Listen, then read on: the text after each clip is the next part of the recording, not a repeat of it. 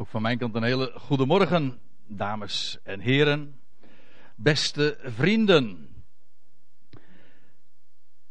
Wat je ook over het thema kunt zeggen, wat vanmorgen in de spotlights staat. Eén ding kun je in elk geval niet beweren en dat is dat het niet actueel zou zijn. En dat zou misschien ook wat uh, enigszins de opkomst kunnen verklaren. Hoewel ik u dan toch een klein beetje moet teleurstellen. Als u gekomen bent voor de Koran, ja. Hij gaf zoiets al aan. En dat is ook zo. Waarom de Bijbel en bijvoorbeeld niet de Koran? En laat ik eens even een paar dingen opsommen. Om aan te geven waarom inderdaad dit thema zo actueel is. Nou, laten we om te beginnen eens vaststellen dat er momenteel, en dat zal u toch niet ontgaan zijn, toch inmiddels heel veel moslims, in tegenstelling tot nog maar een paar decennia terug, heel veel moslims inmiddels ook in ons land wonen. Zodat we, zelfs al zouden we nooit vanuit onszelf nadenken over de islam en de Koran, want je wordt er immers niet mee geconfronteerd. Nu is het zo dat je dag en dagelijks ermee te maken krijgt. En het plaatje wat u ziet links, voor u, ja. Moslims op straat die dat ook duidelijk etaleren. Je merkt van dit, dit zijn geen autochtone Nederlanders. Nee, het, zijn, het betreft moslims. Eh, het is, het is een onderdeel geworden, een vast onderdeel van het straatbeeld. En we, en we worden er in allerlei opzichten mee geconfronteerd. Nou, en dan hoef ik alleen maar ook te wijzen op dat andere plaatje. Ja, dat is meneer Wilders. Dat was u ook misschien niet ontgaan met zijn PVV, die in wezen ook zijn, de, de, waarbij het, grote item is wat hij naar voren brengt, dat is de islamisering en het grote gevaar dat daarachter schuil gaat, of in elk geval in zijn ogen achter schuil gaat. En hoe je daar ook over denkt, want daar gaan we het vanmorgen helemaal niet over hebben. Het is geen politieke bijeenkomst. Of de vraag: is de islam of is de Koran nou een politieke ideologie of is het een religie? U weet wel, dat soort kwesties. Eén ding is duidelijk: het onderwerp dringt zich gewoon aan je op. Sla de krant op en, en de kwestie van de Koran en de islamisering en de PVV en alles wat daarmee samenhangt, dat is hoogst actueel. Ik wil op nog een punt wijzen en dat heeft alles toch ook te maken met dat eerste punt, want alles grijpt dan toch wel weer in elkaar. Brandhaard nummer 1 in deze wereld is, zonder enige twijfel, het Midden-Oosten. En ik moet eigenlijk zeggen, het islamitische Midden-Oosten.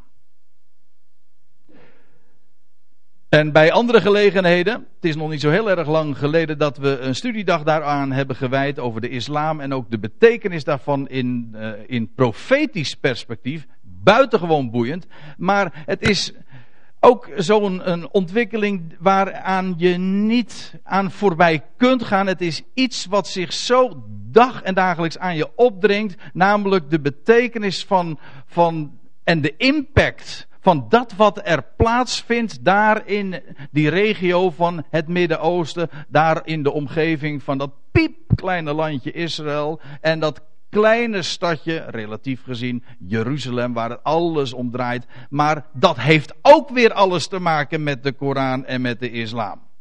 Want vergis u niet, Jeruzalem is ook een van de heilige steden en plaatsen van de Koran en in de islam. En dan wil ik op nog iets wijzen. En ook dat heeft daar weer alles mee te maken. Namelijk met dat tweede punt. De recente opleving van van de militante islam. En ik heb daarbij geschreven 9-11. En al die termen, het, spreken boekdeel, het spreekt boekdelen.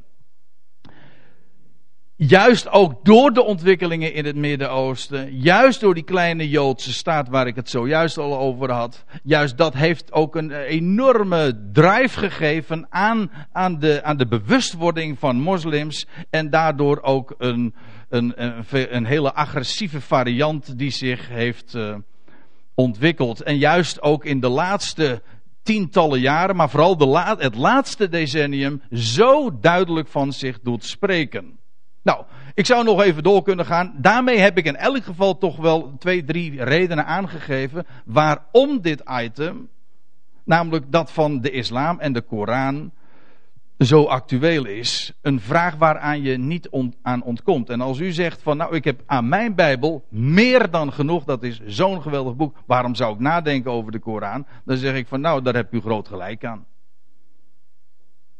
Dat wil ik helemaal niet tegenspreken, maar ik wil wel op iets anders wijzen. De vraag krijg je gewoon op je bordje.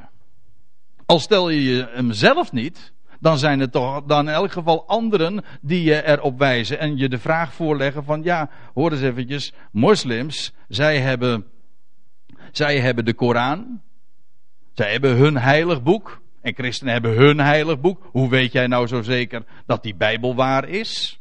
Per slot verrekening, uh, laten we wel wezen, een, groot, een grote rol speelt daarin ook gewoon, waar heeft je wieg gestaan? Stel je voor nou dat wij nou niet waren geboren.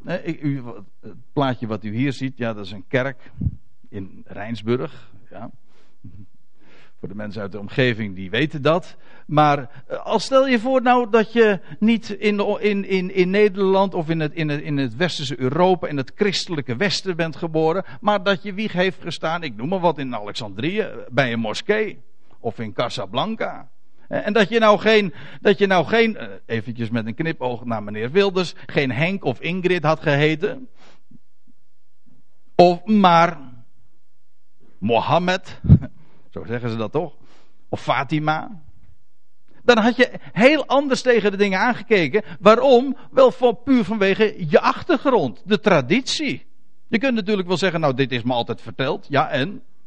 De elders worden andere dingen gezegd die vraag van, ja, waarom nou de Bijbel en niet de Koran, is een hele logische vraag. Ook al staat die bij u voor uw beleving ver van u af.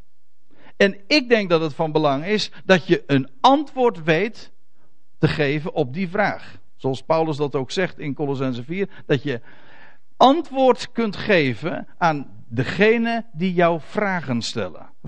altijd bereid tot verantwoording. Hoe zit dat nou? Kun je, is het nou echt zo dat het nou maar puur een kwestie is van, ja, waar heeft je wie gestaan en dan is dat je geloof, is dat, dan is dat je visie, je hele wereldbeeld en vanuit dat systeem, vanuit die overtuiging redeneer je, denk je, voel je, handel je. Is dat, is dat het allemaal? Is daar verder niks zinnigs over te zeggen? Of zijn er echt objectieve verschillen? Dat is een lastig woord hoor, objectieve verschillen. Wat is nou de waarheid? Dat is in ieder geval toch de vraag. En wat het vanmorgen met name ook in de, in de pictures uh, staat, en ik ook heel uitdrukkelijk wil laten zien, wat legitimeert nou de Bijbel in tegenstelling tot de Koran? Want het is precies zoals al eh, in de inleiding al is gezegd, om de leugen te herkennen, hoef je geen kennis te nemen van de leugen. Weet u dat? Het is voldoende om de waarheid te kennen, om de leugen te herkennen. Wil je die herhalen? Ja, graag. Want daar zit meer in, in zo'n zo'n uitspraak, in één zo'n zin, dan je misschien op het eerste gezicht zou denken. Om de leugen te kennen en te herkennen, is het voldoende om de waarheid te kennen. Als je weet, laat ik, het, laat een voorbeeld geven. Als je weet hoe een echte munt eruit ziet, een echte euro eruit ziet, of een, een, een, een bankbiljet, dan her, als je dat goed weet, dan herken je de valse munten en het valse geld. Je hoeft in wezen geen studie te maken van, uh, van, van vals geld, want weet je wat het is? Daar zijn oneindig veel varianten op. Dat is een gebed zonder eind. Ja. Om daar kennis van te nemen. Nee, het is voldoende om te weten hoe een echt biljet eruit ziet. Als je dat goed weet, dan herken je het valse. En dat is met deze dingen ook zo. Kortom, even terugkerend naar die vraag: wat legitimeert de Bijbel? En uh, nog anders gezegd, en dat is dubbelzinniger bedoeld dan je misschien op het eerste gezicht zou denken: wil de echte God alstublieft nou opstaan? Hm? Ja, dat staat in de psalmen nog wel eens een keertje. O Heere, sta op! Ah, hij staat op. Ik moet eigenlijk uh, nog andersom zeggen. Of op een andere wijze zeggen. Hij is opgestaan. Maar ook daar komen we nog even over te spreken. Objectieve verschillen. Nou laat ik op iets wijzen in eerste instantie. Wat een onlogenbaar feit is. Waar ook niemand uh, bezwaar tegen aan kan tekenen. Maar ik wil op het. Uh, het is een heel significant verschil. De, de Koran is een boek. De Bijbel is ook een boek, dat kun je zeggen, maar de Bijbel is strikt genomen geen boek, maar een complete verzameling van boeken. Oftewel, het is een bibliotheek. Het woordje Bijbel betekent eigenlijk ook gewoon boeken, meervoud. Biblia, de boeken. De Bijbel heet ook in de, zoals we dat lezen, in, de, in, in diezelfde Bijbel ook, de schriften. Dat is de meest gebruikelijke benaming die we tegenkomen. De schriften, of de heilige schriften. Dat wil zeggen, de, zijn maar, het is maar niet zomaar boek of geschrift. Nee, het zijn aparte schriften. Dat wil zeggen, het is op schrift gesteld, maar de hand van God zit daarachter. Dat maakt het ook heilig. Dat wil zeggen apart gesteld. De schriften, en dan moet ik erop wijzen, dat zijn 70 boeken. Ja, via een andere telling kom je op 49 boeken. Daar hebben we ook wel eens in deze bijeenkomsten bij stilgestaan. Dat het is, op zich is die vaststelling al heel veelzeggend. Als je volgens de Hebreeuwse telling uh, het, het, het, bekijkt, dan telt de Bijbel, het Oude Testament, 22 boeken. Dat komt omdat bijvoorbeeld de kleine profeten niet 12 boeken zijn, maar, maar één boek. Zodat de, de telling anders is. Maar dan, dan, dan telt het Oude Testament, de Tenach, 22 boeken. Overeenkomstig met het aantal letters van het Hebreeuwse alfabet. En het Nieuwe Testament 27 boeken. Dat geeft een totaal van 49 boeken. Volgens, nogmaals, de Hebreeuwse telling. 49. 7 keer 7. In de Bijbelse symboliek is dat zoveel zeggen. 7 keer 7, dat wil zeggen de volmaaktheid in het kwadraat. Het is één geheel. Maar je kunt het ook via een andere kant benaderen. Als je de, de telling van de Septuagint volgt, dan telt de Bijbel 70 boeken. U zegt, hm? Ik dacht 66. Ja, dat komt omdat u dan het boek der psalmen als één boek leest.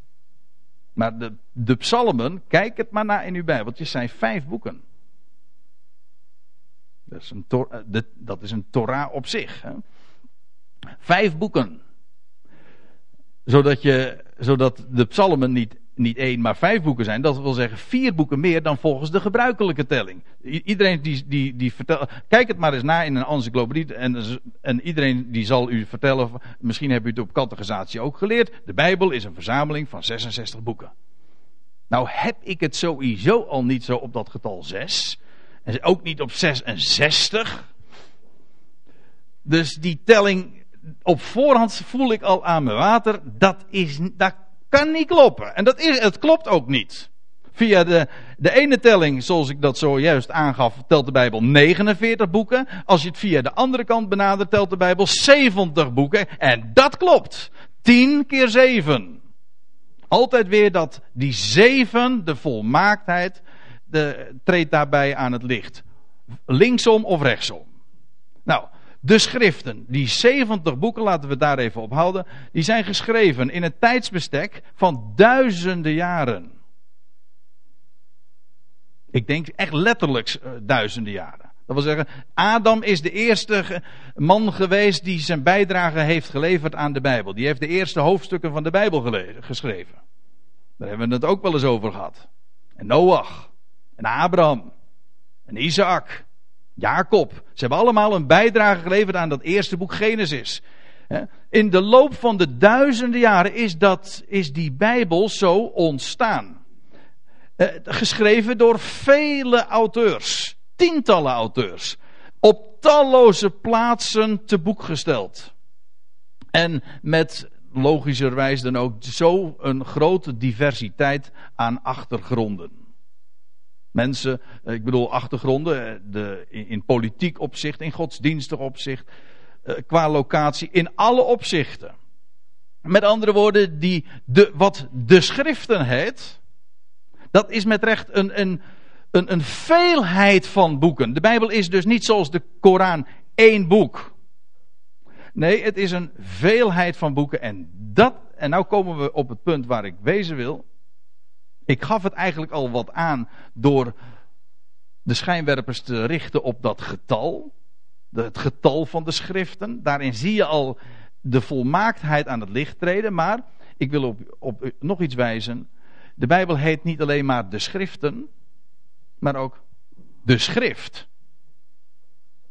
Zoals we lezen bijvoorbeeld in Johannes 10, vers 35, dat, dat Jezus, als hij in, in een confrontatie aangaat met de, de orthodoxe theologen van zijn dagen, want, en dat, dat clashte nogal, dat is nooit anders geweest trouwens. Maar dan zegt hij, de schrift kan niet gebroken worden. Dat wil zeggen, de, en dat vind je op meerdere plaatsen, dat de schriften aan de ene kant zo benoemd worden, waarmee aangegeven wordt van ja, het is een hele grote verzameling van boeken die in de loop der tijden ontstaan zijn. en hoe dat bijeengebracht is en door wie en wie daar de autoriteit voor hadden, wel, dat is een onderwerp apart. Maar het gaat er eventjes om, dat vormt een verzameling en die verzameling is maar niet de schriften, dat is wel zo, maar het is de schrift. Het is uiteindelijk gewoon één auteur, één boek. En dat is nu juist het, het, het, het, het grootste wonder. Als u het mij vraagt, wat is het grootste wonder van de Bijbel? Dat is dat al die boeken,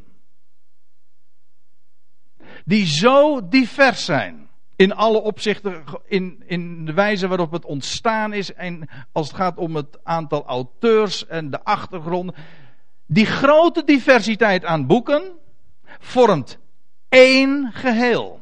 Het is net als, zoals u dat hier op het plaatje ook ziet uitgebeeld. Het zijn allemaal verschillende stukjes, maar op het moment dat, je ze, dat ze bij elkaar gevoegd zijn, blijkt dat het één geheel is en ook één panorama te zien geeft. Zodat je als je het boek Genesis weghaalt, om maar wat te noemen, maar ik zou, ik zou ook kunnen zeggen Leviticus, of zomaar een willekeurig passage zou wegnemen, dan klopt het niet meer. Het is de bij, dan mis je een stukje. Ah, het een verklaart het ander. Dat zegt Petrus ook in zijn, zijn brieven. Dat geen profetie der schrift een eigen uitlegging heeft. Weet u waarom? Omdat profetieën elkaar uitleggen. De ene schrift legt de andere uit. Het is één geheel. Er is één goddelijke hand, één auteur en daardoor ook is het feitelijk één boek. Eén boek met vele hoofdstukken. Maar het vormt één geheel. En het grote wonder van de Bijbel is dat het een plaatje te zien geeft. één groot panorama te zien geeft van Hem die zou komen. Jezus Christus. En heel de schrift getuigt van hem en tekent hem ook. En legt die, al die stukjes bij elkaar en je ziet inderdaad één groot panorama. Dat is het wonder van de Bijbel. Zodat de Bijbel een bibliotheek is. Ja, zeker. Schriften. Maar meer nog, het is schrift. En het kan niet gebroken worden. Dat wil zeggen, het vormt één onlosmakelijk geheel. Dat is het wonder van de Bijbel. Ik kom nu op, nog een punt.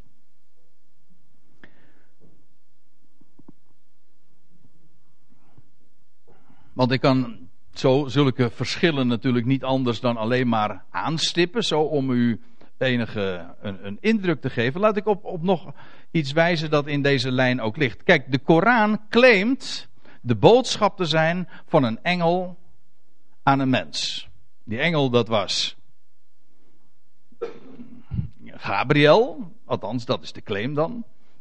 Gabriel die aan, bij meerdere gelegenheden aan Mohammed, zo in de, wat, wanneer was het, vijfde, zesde eeuw, voor, na, na Christus, aan hem verscheen. En zo de boodschap aan hem heeft bekendgemaakt. En, uh, en het is Mohammed geweest die dat uh, geboekstaafd heeft. In elk geval, de Koran is de boodschap, dat is, dat is de claim. En daarmee, en dat is uh, het bijzondere ook van de, of het eigenaardige van de Koran, maar van de islam. En de claim ook van de moslims. En ik weet niet of u dat wel eens hebt ervaren in, in gesprekken met hen. Maar wat je hoort is dat zij zeggen van ja, hoor eens even. Mohammed is de laatste profeet die God heeft gezonden. Wij ontkennen helemaal niet Mozes en, en Abraham al helemaal niet. En ook Jezus niet. Het, heeft allemaal een plaats. Het zijn allemaal profeten geweest. Maar de laatste, de echte, de grote profeet, de afsluitende profeet, dat is Mohammed geweest. En alles wat eraan vooraf gegaan is, overruled hij. In alle opzichten. Dat is de claim. Maar het is een claim, maar het, is, het vraagt uitsluitend geloof in die zin, het bewijst zichzelf niet. En dat is nu juist de grote tegenstelling met de Bijbel. De Bijbel claimt niet alleen, maar het bewijst zichzelf. Kun je de Bijbel bewijzen? Dan zeg ik nee, dat hoeft ook niet. De Bijbel bewijst zichzelf. Eet het en je weet het. Ja.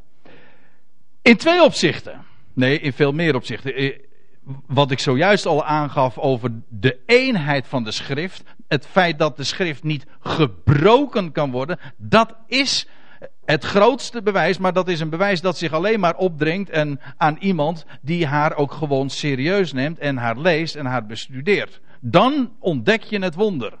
En na tientallen jaren van, van onderzoek van de Bijbel en gewoon je te, te luisteren naar dat wat de schrift te melden heeft, raak je daar alleen maar meer van onder de indruk. Als je de schrift neemt op haar woord.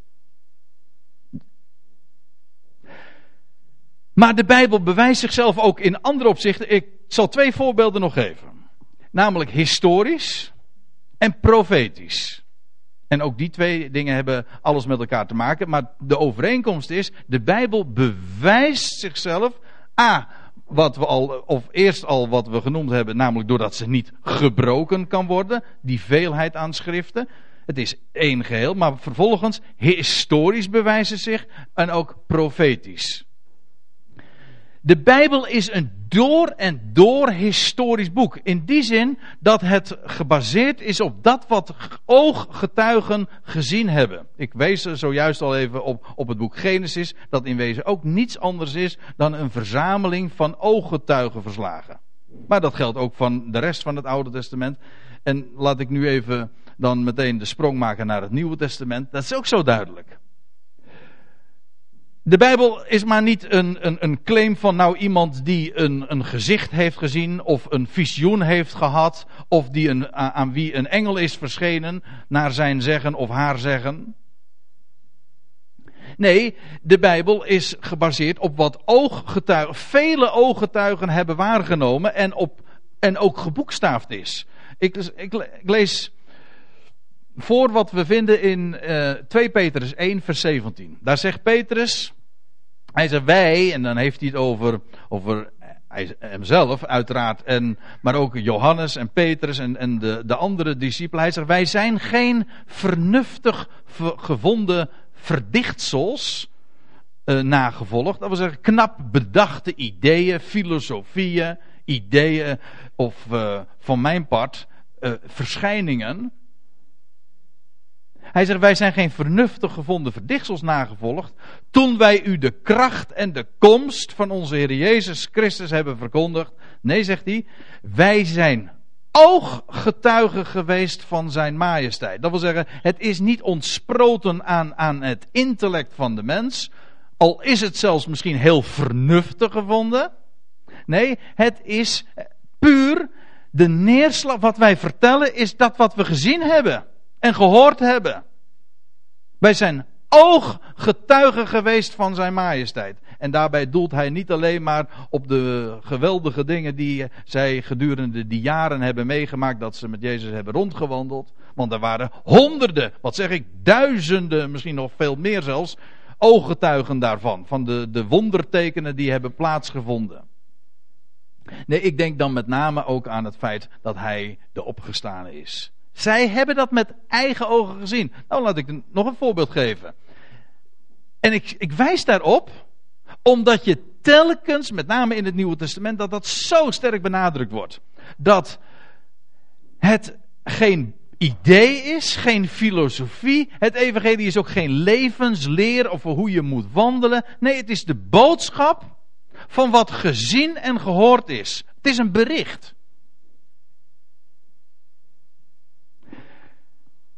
Johannes in zijn eerste brief valt ook meteen met de deur in huis als hij zegt, hij zegt, hetgeen wij gehoord hebben, hetgeen wij gezien hebben, met onze eigen ogen, hetgeen wij aanschouwd hebben en onze handen getast hebben.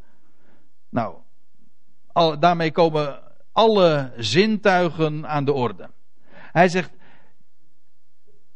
en onze handen getast hebben van dat woord, dat wil zeggen die boodschap van leven. En hij, hij vervolgt daar nog, hij zegt, en dat is wat wij jullie verteld hebben. Hij zegt, en dat is wat onze blijdschap ook volkomen maakt. Het woord van leven, het hele Nieuwe Testament kan teruggebracht worden in wezen tot de, tot de essentie, namelijk de boodschap dat de dood is overwonnen, dat de steen is weggewenteld, er is, een, er is iemand die sterker bleek dan de dood, en in overeenstemming met de profetie, ik kom er straks nog op terug, is hij degene die dat gerealiseerd heeft. En, dat hij, en Johannes zegt het, en Petrus zegt het, en, en Paulus zegt het trouwens ook in zijn brieven. Hij zegt, hij zegt, hij is door velen gezien, hij is bij, bij gelegenheid zelfs door 500 broeders tegelijk. Hij zegt, van wie het merendeel thans nog in leven is, met andere woorden, gaat maar navragen. Het is, het Nieuwe Testament claimt niet alleen maar de waarheid te zijn, het bewijst het ook doordat, doordat het het de neerslag is van wat ooggetuigen gehoord, gezien en getast hebben zelfs. Vraag het maar aan Thomas dan nog. Trouwens nog anderen ook. Die dat inderdaad zo lijfelijk hebben meegemaakt. Niet één of twee, nee, tallozen. Hoe was het ook alweer in een rechtszaak? Wanneer staat een zaak vast? Bij twee of drie getuigen, nou, er zijn er veel meer. En het Nieuwe Testament is de neerslag daarvan. Ik, ik, zal nog één voorbeeld geven. Lucas. Lucas, als hij zijn evangelie schrijft, of eigenlijk een tweetal boeken, want ook het boek Handelingen hoort daarbij, dan benadrukt hij daarbij ook dat het pure zakelijke informatie is in die zin van ooggetuigenverslag. Hij boekstaaft dat wat ooggetuigen, vele ooggetuigen hebben gezien en gehoord en hebben getuigd. Lucas valt ook, ook hij valt met de deur in huis. Als hij zegt in Lucas 1, vers 1, aangezien velen getracht hebben een verhaal op te stellen over de zaken die onder ons hun beslag hebben gekregen. Lucas was dus niet de enige en al helemaal niet de eerste. Hij zegt gelijk ons hebben overgeleverd, degene die van het begin aan ooggetuigen en dienaren van het woord geweest zijn. En dan schrijft Lucas, ben ook ik tot het besluit gekomen, na alles van meet aan nauwkeurig te hebben nagegaan, dit in geregelde orde voor u te boek te stellen, hoogedele Theophilus. Hij heeft dat te boek gesteld voor deze Theophilus. Godliefhebber betekent dat trouwens. Punt is dit. De Bijbel is ooggetuige verslag van velen. De Bijbel bewijst zich daarmee historisch. de Bijbel is een door en door historisch boek en maar niet de claim van iemand die zegt een engelenverschijning gehad te hebben en diens boodschap doorgeeft. Ziet u het grote verschil daartussen? Daar komt bij trouwens dat de Koran, en dat is misschien niet zo aardig geformuleerd, maar de geschiedenis verdraait. Waarbij ik onder geschiedenis versta dat wat op schrift is gesteld aangaande het verleden. En daarmee hanteer ik een hele officiële uh, definitie ook van wat historie is. De, de prehistorie is dat wat voorafgaat aan, de beschreven, het, aan het beschreven verleden. De geschiedenis is dat wat op schrift gesteld is aan dat, aangaande dat wat gebeurd is. Wel, de Koran verdraait dat. De Koran is in de, in de vijfde, zesde eeuw ontstaan. Van onze jaartelling. Toen daar dus al vele documenten waren. Kijk, en wat er dan gebeurt. Op grond van een engelenverschijning dat is de claim van de Koran en van de moslims, worden, worden bijbelse geschiedenissen van Adam, Noach en Abraham veranderd. Lees het maar na in de, in de Koran. De, dan blijkt dus dat wat, hoewel Mohammed als die in, in de Bijbel dat had nagegaan, dat wil zeggen in de Joodse geschriften en daar ook de christelijke eh, geschriften, dan had hij dan, dan, dan zie je als, je, als je dat vergelijkt, ik bedoel de Koran en de Bijbel, dan zie je dat de Koran dingen aanpast, verandert. Soms subtiel, soms niet zo heel veel betekend, maar soms ook heel dramatisch. En, ik, en ik, als ik wijs bijvoorbeeld op een figuur als Abraham, Ibrahim, zoals die in het Arabisch heet, dan, blijkt, dan blijkt die geschiedenis een, een wereld van verschil te vormen. Dan was het bijvoorbeeld niet Isaac die geofferd werd, maar Ismaël. En alle, en de, ja, blijkt, dan blijkt dus niet Isaac degene te zijn die de belofte beërft, maar Ismaël. Nou, dat is ook een heel cruciaal gegeven binnen de islam. Maar eh, wat ik wil zeggen is, reeds duizenden jaren waren daar historische documenten over dat wat ge, uh, gebeurd was. En dan komt daar een Mohammed die claimt een engelenverschijning gehad te hebben en schuift dat allemaal terzijde en hij zegt nee, dat wat ik vertel, de boodschap die ik heb doorgekregen van Gabriel, dat is waar.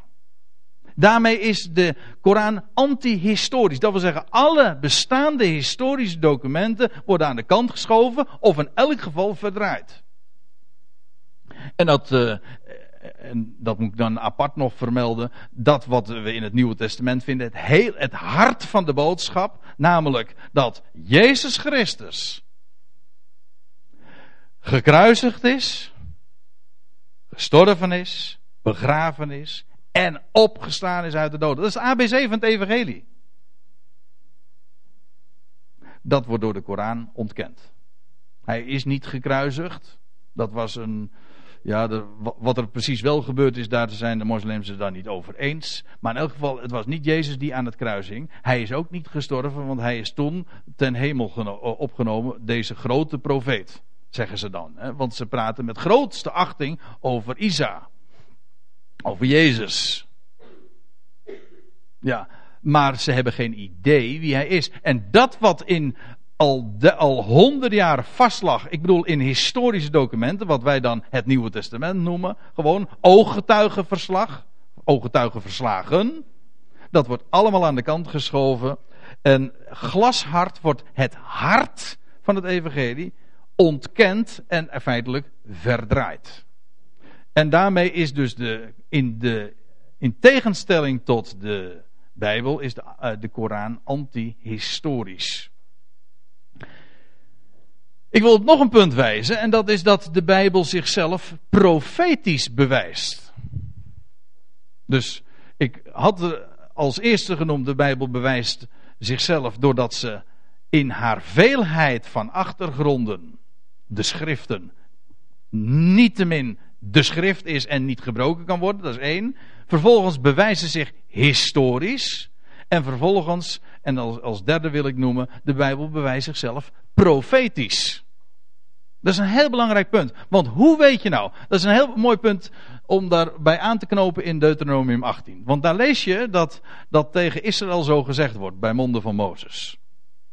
Nou, eigenlijk is het zo dat God dit zo aan Mozes doorgeeft, maar dan staat er dit. En dat. Nou, de, de redelijkheid van kan niemand ontkennen, dunkt me. Dan lees je, wanneer gij nu, nu bij uzelf mocht zeggen, hoe onderkennen wij het woord dat de Heer niet gesproken heeft? Dat wil zeggen, hoe weet je nou wat zijn woord is? Ik bedoel, richting uh, naar boven uh, wijzend. Of, en hoe weet je nou wat niet zijn woord? Hoe weet je dat nou? En dan is dit het antwoord.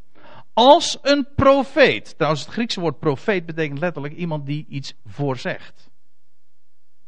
Als een profeet spreekt in de naam van Yahweh, de naam des Heren, en zijn woord wordt niet vervuld, oftewel komt niet uit, dan is dit een woord dat de Heer niet gesproken heeft. Ik zei al, de redelijkheid van kan toch niemand ontkennen.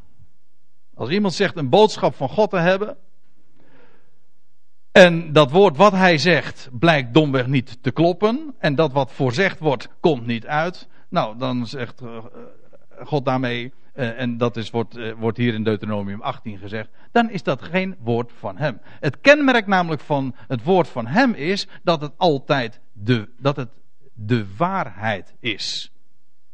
Nuchtere waarheid, zoals Paulus dat ooit tegen koning Festus zei. Nee, tegen Agrippa. Nuchtere waarheid. Gewoon controleerbaar. Zwart op wit. Trek het maar na. Verifieerbaar, zoals dat zo met een mooi woord heet. De een profeet bewijst zichzelf. En het, het de hele Bijbel is profetisch woord hoor. Maar de Bijbel bewijst zichzelf doordat ze dat wat ze aankondigt ook daadwerkelijk vervuld wordt. Nou, nou zou ik natuurlijk in de verleiding kunnen komen om daar heel veel, veel voorbeelden van te geven, want het is een geweldig onderwerp. Maar ik moet me vanmorgen natuurlijk beperken. Ik wil gewoon de vaststelling doen en mij ik ben noodzakelijkerwijs beperkt tot uh, één, twee voorbeelden. Maar ik wil dan toch één heel interessant voorbeeld geven in dit verband. Ja, de tijd gaat door, ik zie het. Uh, Gabriel. Haha. Gabriel, waarom lach ik? Nou, over Gabriel, dat is uh, degene, ik, ik heb zijn naam nu al verschillende keren genoemd. Gabriel zou degene zijn die aan, aan, aan, aan Mohammed is verschenen. Maar ik weet dat Gabriel vanuit de Bijbel ooit verscheen aan Daniel. Ja, hij en u leest dat in Daniel 9. Da Gabriel verscheen aan Daniel en hij voorzegde nou keurig onder andere het tijdstip van de Messias en zijn sterven. Zo, ik zou haast zeggen, angstaanjagend nauwkeurig. Zodat zelfs uh, liberale theologen tot de conclusie gekomen zijn van die, dat boek Daniel, dat kan, dat, dat, dat kan nooit waar zijn. En die hebben het daarom veel later gedateerd. Maar zelfs de meest liberale uh, interpretatie gaat ervan uit dat het boek Daniel dan nou ergens uh, eh, 150 jaar voor Christus geschreven zou zijn. Maar dat maakt voor de, in de praktijk dan nog niks uit. Want dan nog is Daniel, Daniel 9, dat wat, wat Gabriel had voorzegd, zo nauwkeurig uitgekomen. En ik doel daarmee op de, de profetie van die 70 weken. Ja, daar hebben, we, daar hebben we het ook wel eens een keer over gehad. Maar die profetie van die 70 weken, laat ik het even kortweg eh, samenvatten.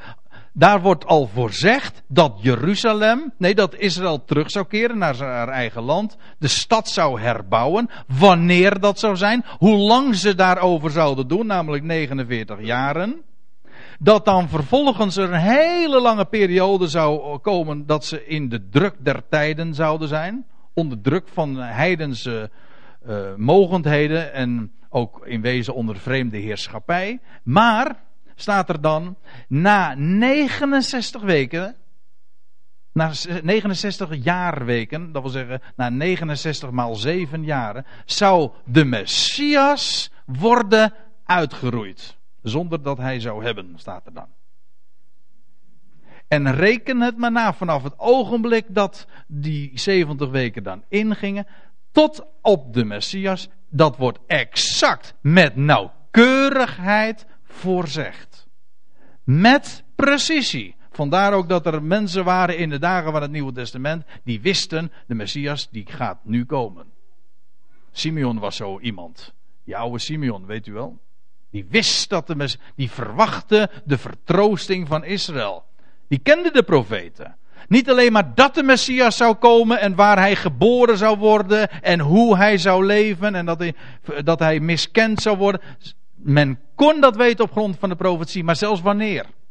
Wat ik ermee wil aangeven is, profetie dat is inderdaad ook niet alleen, maar voorzegging. En God legitimeert zijn woord doordat hij uh, vervult dat wat hij belooft. Wat hij voorzegt, komt uit. En dat is zijn legitimatie. En wat zou je ook nog meer wensen?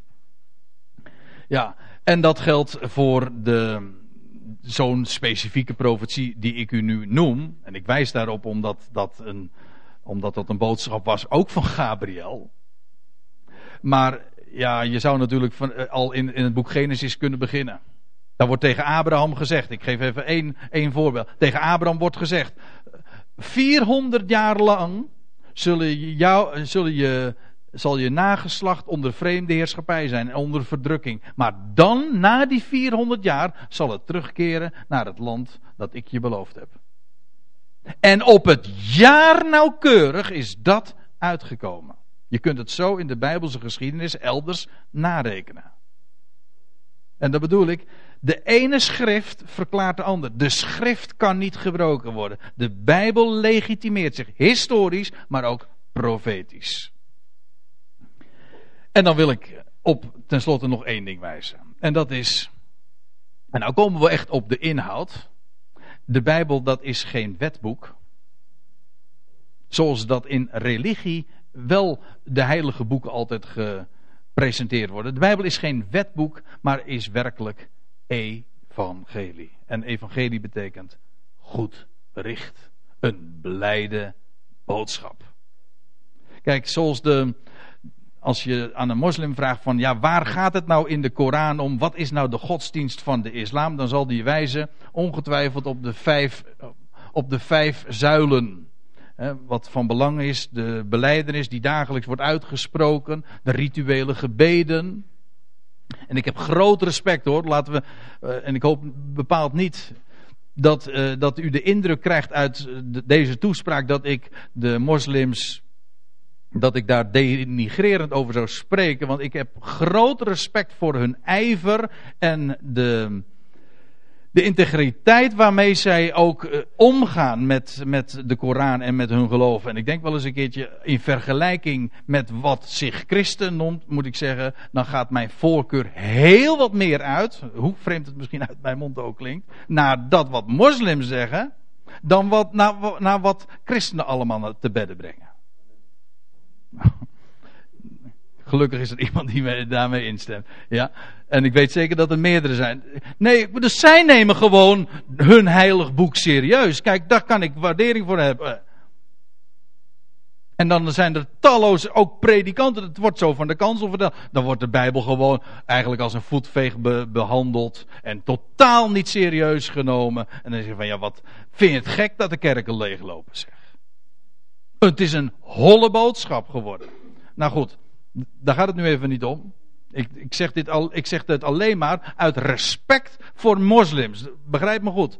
Maar een moslim zal zeggen van ja, die vijf zuilen, daar gaat het eigenlijk om. Dat wat wij doen, wat we, wat we spreken, de gebeden, de, het vasten tijdens de ramadan, het geven van aalmoezen en dan eh, de, als het je gegeven is en als dat enigszins zou kunnen, de pelgrimstocht die je toch minstens één keer in je leven zou moeten maken naar Mekka.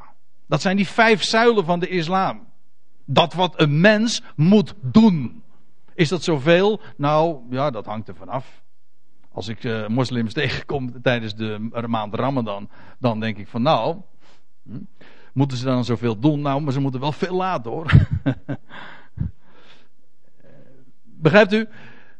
Maar het heeft allemaal te maken met dat wat een mens moet doen. Het evangelie is, is, is, is totaal anders. Het evangelie ja, ik weet wel dat mensen ook vaak zeggen van ja, het evangelie dat is de boodschap dat je, dat je Jezus navolgt in dat wat hij gezegd heeft. Die zeggen dat is, dat is niet het evangelie. Het evangelie is een bericht aangaande iemand die is opgestaan uit de doden. En dat geloof, en dat evangelie, die boodschap, is een kracht Gods. Voor een ieder die het gelooft, dat wil zeggen, ieder die gelooft met je hart. Een ieder die gelooft, die boodschap dat Hij God is en dat Hij, dat Jezus Christus de beloofde Messias is en opgestaan is uit de doden, die wordt veranderd. Die moet niet anders gaan leven, dat is wet.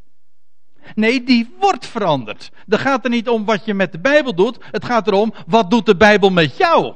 Nou, de Bijbel zegt het is een kracht Gods voor een ieder die het gelooft. Heeft niets te maken met wet, maar het is gewoon een bericht. Een, een werkelijk een goed bericht voor iedereen. En weet u ook. Ja, nee, laat ik eerst nog even op iets anders wijzen. Uh, er staat in, in Galaten 1, daar schrijft Paulus. Maar ook al zouden wij. Of. Moet eens opletten.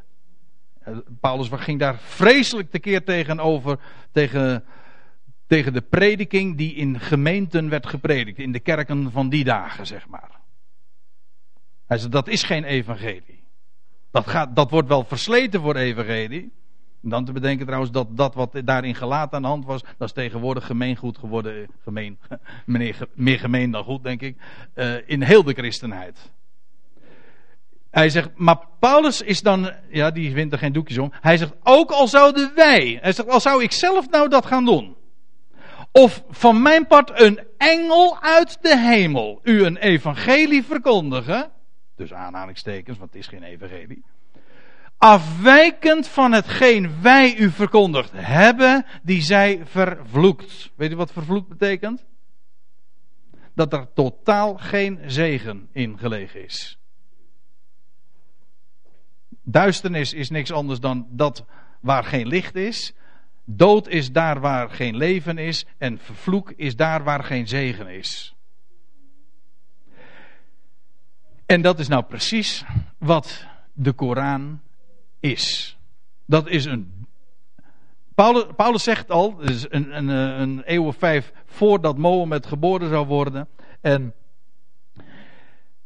toen al zei hij van ook al zouden wij of een engel uit de hemel u een boodschap brengen dat afwijkt van wat wij u verkondigd hebben. Hij zegt die zij vervloekt. Daar zal geen zegen in gelegen zijn. Dat geldt. En daarmee, en dat moet ik erbij zeggen. Het gaat dus niet over vanmorgen over christendom versus islam. De ene godsdienst of de ene religie tegenover de ander. Want laat ik u dit zeggen: de christelijke religie is minstens zo erg als de, als de islam. Ja, dat meen ik. Weet u waarom? Het is eigenlijk nog veel gevaarlijker, omdat dat nog, nog veel meer de schijn mee heeft. En, christelijke religie is ook weer religie. Daar waar mensen zeggen van ja, je hoeft alleen maar. Dan zeggen ze van ja, Jezus Christus is jouw Heer.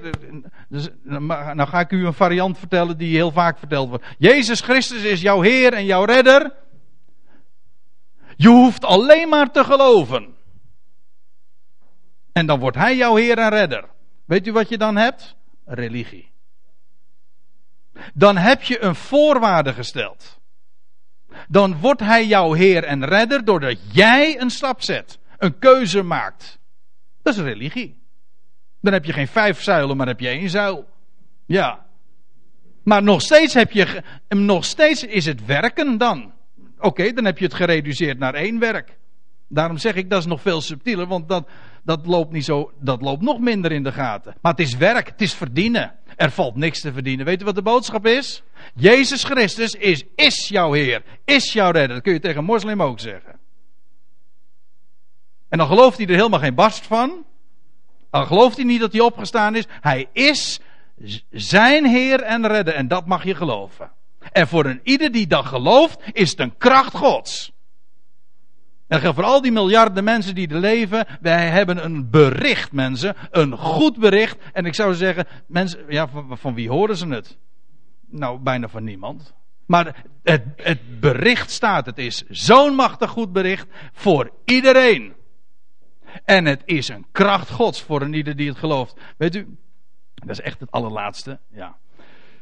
Uh, ja, het is, mijn, dit is mijn laatste dia. Dia 21, 3 keer 7. Ja.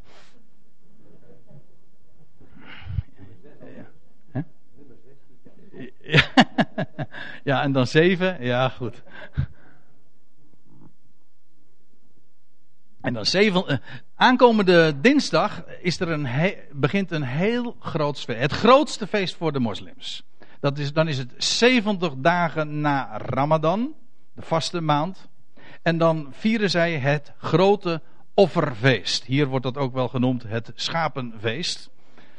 Maar uh, zelf noemen ze het in het uh, Arabisch meestal het feest van Ibrahim, het feest van Abraham. En dat is aankomende. In onze kalender valt dat nu uh, dit jaar in 2010 op 16 november, dus dat is aankomende dinsdag. Nou, het offerfeest. En waarom, wat, wat, doet, wat is het offerfeest? Wel, dat herinnert aan het offer van, dat Abraham ooit bracht van Ismaël. Ik, ik, ik, had het er zojuist al even over. over dat is dus geschiedvervalsing. Hè? Het was Isaac, maar goed, het herinnert aan zijn offer.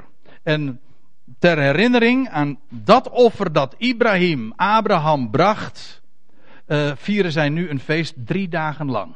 Ja. Maar ik, ze hebben geen idee waar ze mee bezig zijn. Dat zou je toch eens tegen moslims moeten vertellen. Ik heb het wel eens gedaan. Weet u, want dat geldt al voor een offer. Men weet helemaal niet wat een offer eigenlijk is. En dan wordt er een. Dan gaat, ja, dat, dat gaat deze week natuurlijk weer uh, druk uh, plaatsvinden. Dan worden er schapen gekocht en uh, lammetjes en die worden dan geslacht. En vervolgens wordt dat geofferd. Maar weet u wat, waar dat allemaal op slaat? Op precies dat wat zij zo glashard ontkennen. Maar ik moet erbij zeggen, de meeste christenen weten het ook niet, waar het werkelijk betrekking op heeft. Het heeft betrekking op hem die inderdaad geslacht werd, die zijn bloed gaf. Maar daar bleef het niet bij, want dat is nog geen offer. Een dier wordt geslacht, maar vervolgens wordt het op een verhoging geplaatst. Het wordt verhoogd en vervolgens stijgt het op voor God tot een liefelijke reuk. En dat is een schitterend plaatje van en de dood van hem die zou komen. En daarna zijn opstanding, zijn offerande. Dat hij opsteeg uit het graf, verrees, goden tot een liefelijke reuk. De dood is overwonnen. Feitelijk is het, het offer, wat zij in hun onkunde doen, en dat geldt voor elke offercultus, wat zij in hun onkunde doen, het spreekt en het getuigt van hem die gestorven is, maar wat meer is, die opgestaan is uit de doden op de derde dag. Amen.